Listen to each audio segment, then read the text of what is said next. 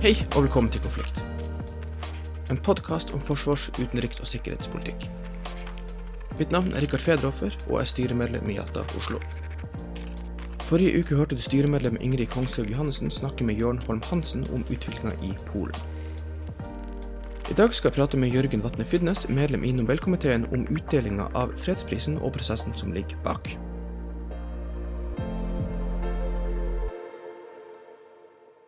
Velkommen, Jørgen Vatne Finnes. Tusen takk. Tusen takk for at du vil eh, stille opp i, i podkasten. Du har jo nå i tiår vært eh, daglig leder av Utøya, som holdt på å si jobba med gjenreisning etter 22.07. Det ble vel også en bok nå i, i år, eh, 'Ingen mann er en øy'. I tillegg til ble bli valgt inn i Nobelkomiteen for perioden 2021 til 2026. Tidenes yngste medlem som erstatter for Torbjørn Jagland. Hvordan har det vært å ta opp et sånt verv midt i en, i en pandemi? Først og fremst har det vært eh, kjempegøy. Det har vært utrolig interessant. Pandemien har jo vært eh, ikke så fremtredende sånn sett, i den forstand at eh, det har påvirket eh, valgene, det har påvirket verdenssituasjonen. Men å komme inn i komiteen, så, så har det gått veldig fint. Ja, for Det tilhører jo faktisk et mindretall i, i, komiteen som ikke har vært aktiv eh, partipolitiker. Er det noe som man merker i arbeidet? eller er det... Altså Det må jo de som har vært med lenge svare på, eh, hvilke eventuelle endringer som måtte være. Det som er først og fremst å si, er at man er et kollege. Eh, man skal eh, diskutere dette i fellesskap, og nettopp det å ha en bredde i bakgrunner, i, i meninger, er en stor, stor styrke for komiteen prosessen fram til et valg av uh, fredsprisvinner er jo ganske lang. Begynner jo med en relativt åpen innspillsrunde, og så før lista vår kortes ned mer og mer. Så kan du fortelle litt hvordan det her foregår? Hva dere vektlegger i, i arbeidet? Ja, det er jo litt sånn myteoppsvunnet, uh, hele, hele Nobel-komiteen. Og arbeidet til komiteen er jo først og fremst uh, et intern anliggende. Hvilke diskusjoner som foregår, det er noe som, som forblir i, i komiteen. men det er helt riktig som du sier, at man begynner med en relativt brei nominasjonsliste. Rundt 300 nominerte.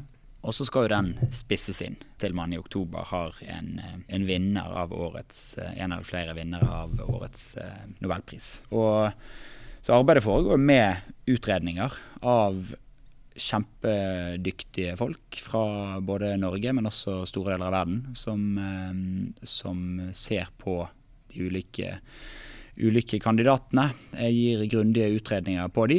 Eh, gir de tilbakemeldingen til komiteen, som selv da er ansvarlig for å diskutere seg fram i fellesskap. For å finne ut hva som bør vektlegges, eh, og hvilke kandidater eventuelt som står igjen som har gjort den største nytten for fred, sånn som eh, Alfred Nobel skrev i sitt testament at var meningen med dette. Hvor mye tolkningsfrihet har, har komiteen i å tolke Alfred Nobel? Altså Vi jo, eh, skal følge hans eh, testamente, eh, men det er jo klart at det er også skrevet i en annen tid. Så, så det er jo åpenbart en tolkning som må til. Sånn som det må til for å tolke ethvert testamente, og et, også ethvert gammelt dokument. Sånn at den, den, friheten er jo både stor og liten på en og samme tid. Man må følge kriteriene til til testamentet. Eh, det er en fredspris eh, dette skal gå til. Men som sagt så er det viktig å, å tolke den innenfor den tiden vi lever i. Eh, og det har ulike komiteer gjort på ulike måter gjennom mange, mange, mange tiår. og det vil det fortsette å være. og, det, det er jo også for de som kjenner Alfred Nobels eh, historie, eh, så, så, var det også Det ligger på mange måter implisitt i de prisene som ble opprettet, at disse tidene, eh, prisene må tolkes til den tiden de skal være i. Det er ikke en statisk pris.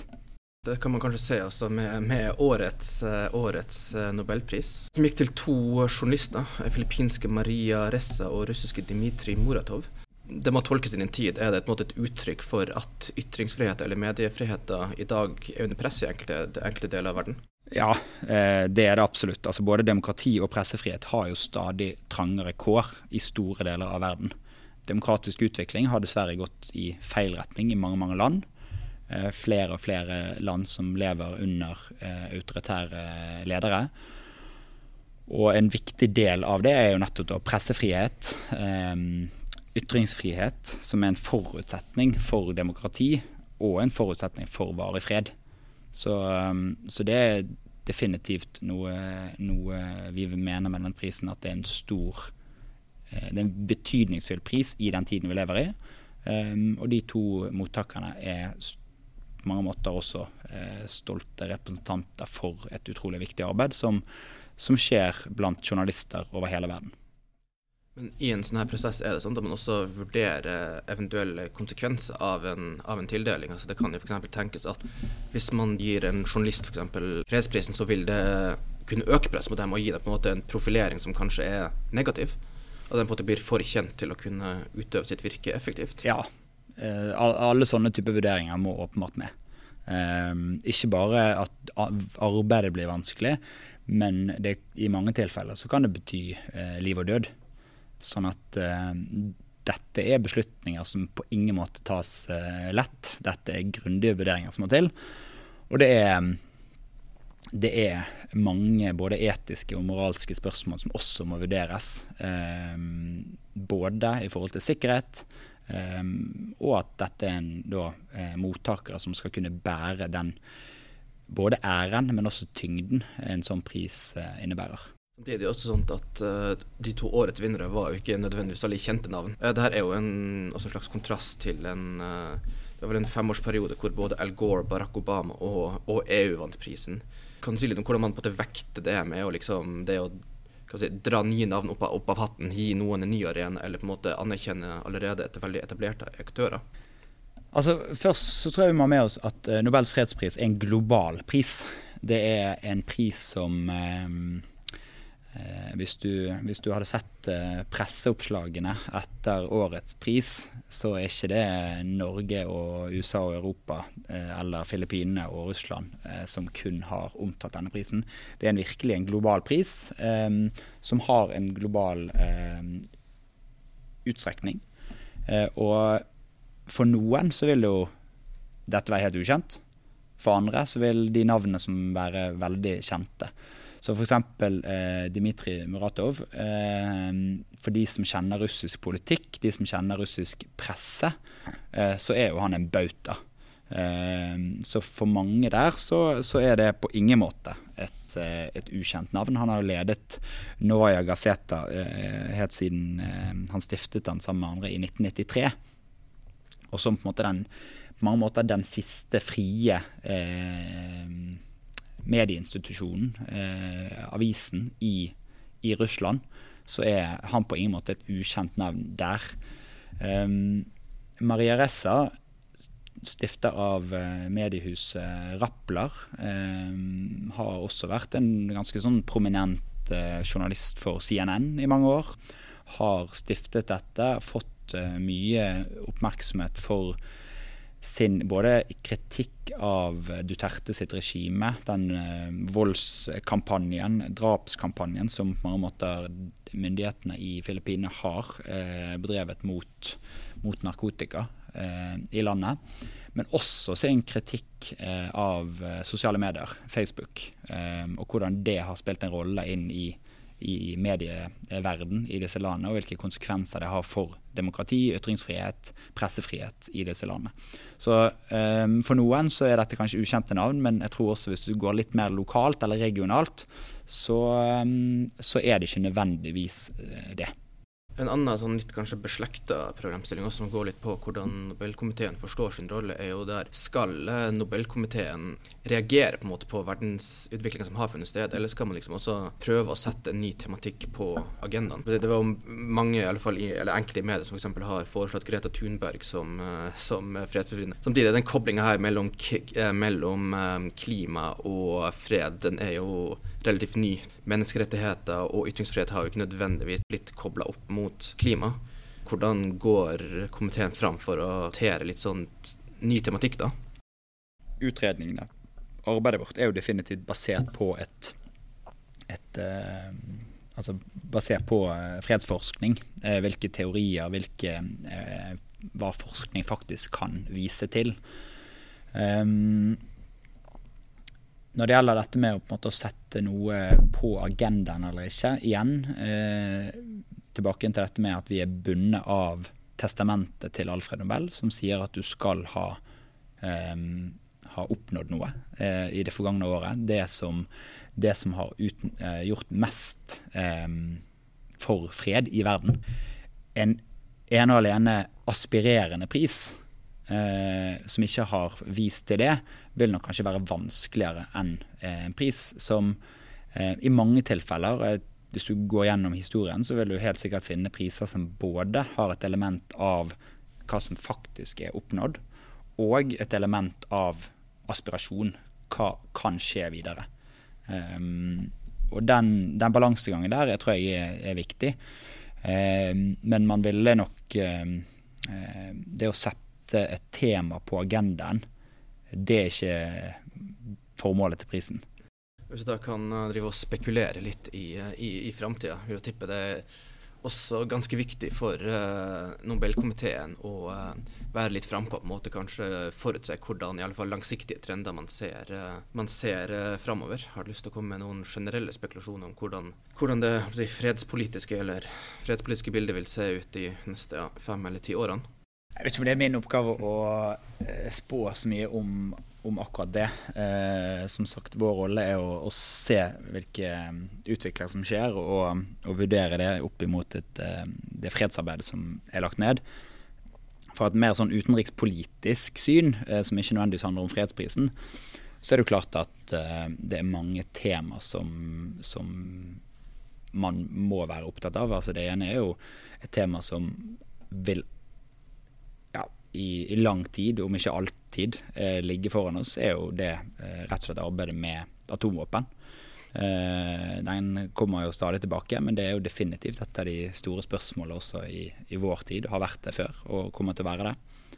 Eh, det er mange mange utfordringer i utenrikspolitikken. altså Årets pris peker jo på noe som, som heller ikke kommer til å slutte over dagen. Eh, dette med at demokratiet er i, eh, tilbake tilbake eh, Går tilbake igjen i mange steder i verden. Jeg tror det er en sånn forskjell på, på litt sånn generasjoner eh, her også. Du har mange som vokste opp med sant, Berlinmurens fall. Eh, demokratiet er på en måte the end of history. Eh, demokratiet vant. Eh, med det håpet på en måte, og virkelig denne troen på at det er sånn det kommer til å bli over hele verden. Og så har jo de som kanskje eh, hakket yngre da, og vokser opp nå, og ser at eh, istedenfor å vokse opp med Berlinmurens fall, så vokste man opp med 11.9. Eh, så vokste man opp med eh, 22.07. Så vokste man opp med terror-IS. Man vokste opp med eh, autoritære stater sin eh, grep over store deler av verden. Og Det er en ganske annen fortelling å vokse opp i da, enn å vokse opp i den eh, kalde krigen er slutt, demokratiet vant.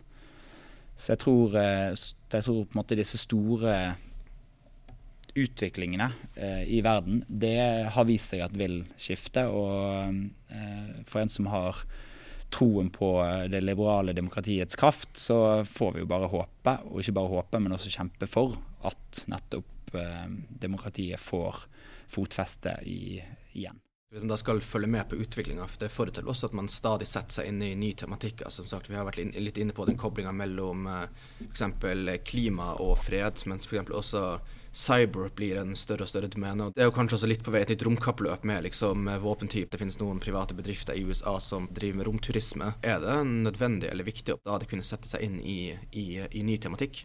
Definitivt. Um, og her, den store styrken til til hele eh, Nobelarbeidet, er jo nettopp det at man har et eh, apparat rundt seg av eh, noen av både Norges, men også eh, verdens dyktigste på ulike tema. Det at det er analyser, det at det er eh, rapporter som skrives basert på hvilken tematikk som eh, komiteen løfter fram, det er jo helt avgjørende for å få god innsikt i det. Um, og fordi at bredden er så stor i temaet, så det å ha eh, faglig dyktig eh, og up to date eh, informasjon tilgjengelig som følger disse trendene på et, eh, på et høyt nivå, det er helt avgjørende for at prisen også skal ha sin relevans og treffe riktig med spørsmål som, som vil være nye og utfordrende for selvfølgelig komiteens arbeid, men ikke minst for verden. Ja, Du sier også at kunnskap er viktig. Eh, det er også en del samarbeid mellom eh, Nobelkomiteen og ulike forskningsinstitusjoner, eller, og, eller akademia generelt. Eh, kan du fortelle litt om hvordan det foregår? Ja, nei, Det er jo et bredt nettverk av, eh, av forskere, av eh, analytikere, eh, som bidrar inn i arbeidet til komiteen. og det legge det eh, grunnlaget som komiteen trenger for å kunne ta disse diskusjonene. Som du sier, ta det fra en eh, faktabasert eh, basert på eh, akademiske prinsipper til å diskutere det internt og, og jobbe med det mer politisk. Eh, jobbe med det ut ifra testamentets kriterier, og dermed også ta en beslutning. Samtidig så kan det jo føre til et veldig sånn ubehagelig krysspress norske regjeringer har kanskje ikke alltid vært helt happy med enhver uh, utdeling. Det samme gjelder enkelte ikke-norske stater heller. Hvordan er det på en måte å leve i et sånt, uh, eller å jobbe under et sånt, under et sånt krysspress? Er det, er det, utfordrende, eller er det bare del av hverdagen, hverdagen, nærmest? Hvis det ikke hadde vært utfordrende, så tror jeg ikke vi hadde tatt eh, prisens alvor og betydning innover oss. Sånn at det presset skal du ha på deg. Du skal ha på det på enhver vurdering du gjør. Forberedelser inn i møter, diskusjoner, beslutninger som til slutt skal tas. Det presset er en del av jobben. Eh, det er en del av dette vervet. Ehm, det må jo selvfølgelig ikke bli lammende, dette presset. Eh, men det har ingen indikasjoner på at det kommer til å være.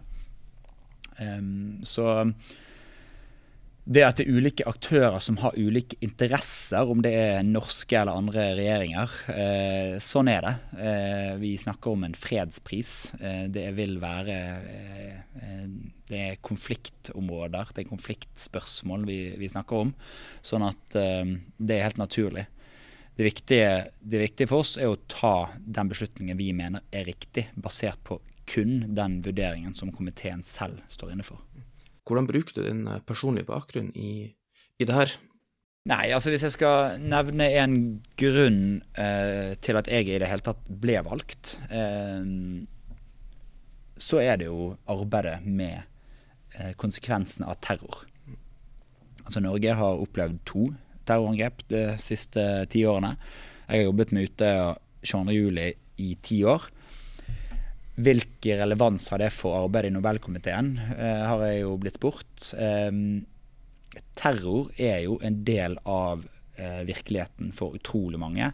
Terror er en del av konflikter store deler av verden. Eh, og det å ha opplevd og levd gjennom, styrt en prosess gjennom eh, konsekvensene av terror, det tror jeg også har gitt et viktig innblikk i hvilke vurderinger ulike samfunn må gjøre. Eh, hvordan den menneskelige påvirkningen er. Og I bunn og grunn så tror jeg vi må ha med oss det at de snakker ofte om disse spørsmålene veldig overordnet. Veldig overordnet om, eh, om eh, tema.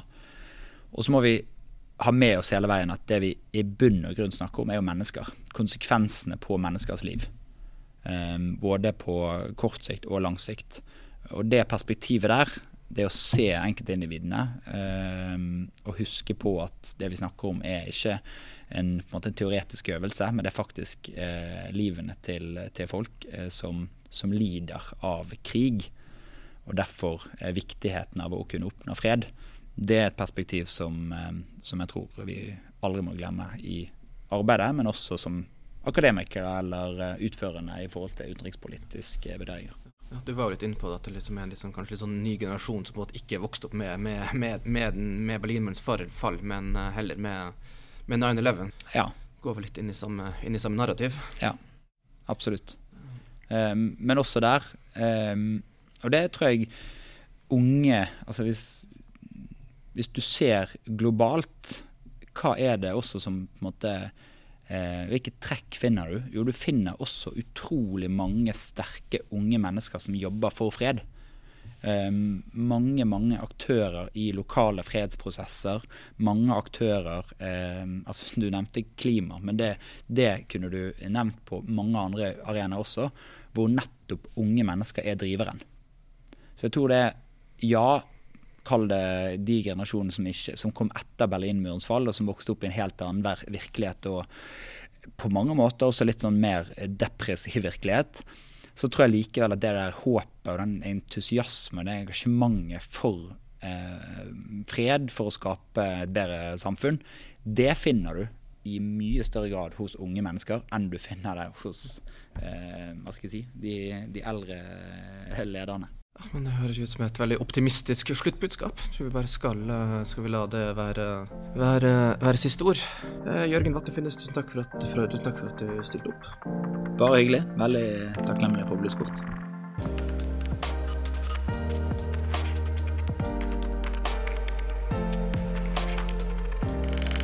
Du har lyttet til Konflikt, en podkast av Jata Oslo.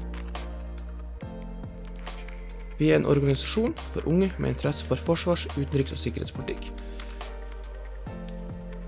Hvis du syns dette er spennende, sjekk oss på Facebook og Instagram, og bli gjerne medlem på jata.no. Med dette tar podkasten juleferie, og vi er tilbake i januar med de to siste episodene. Vi ses.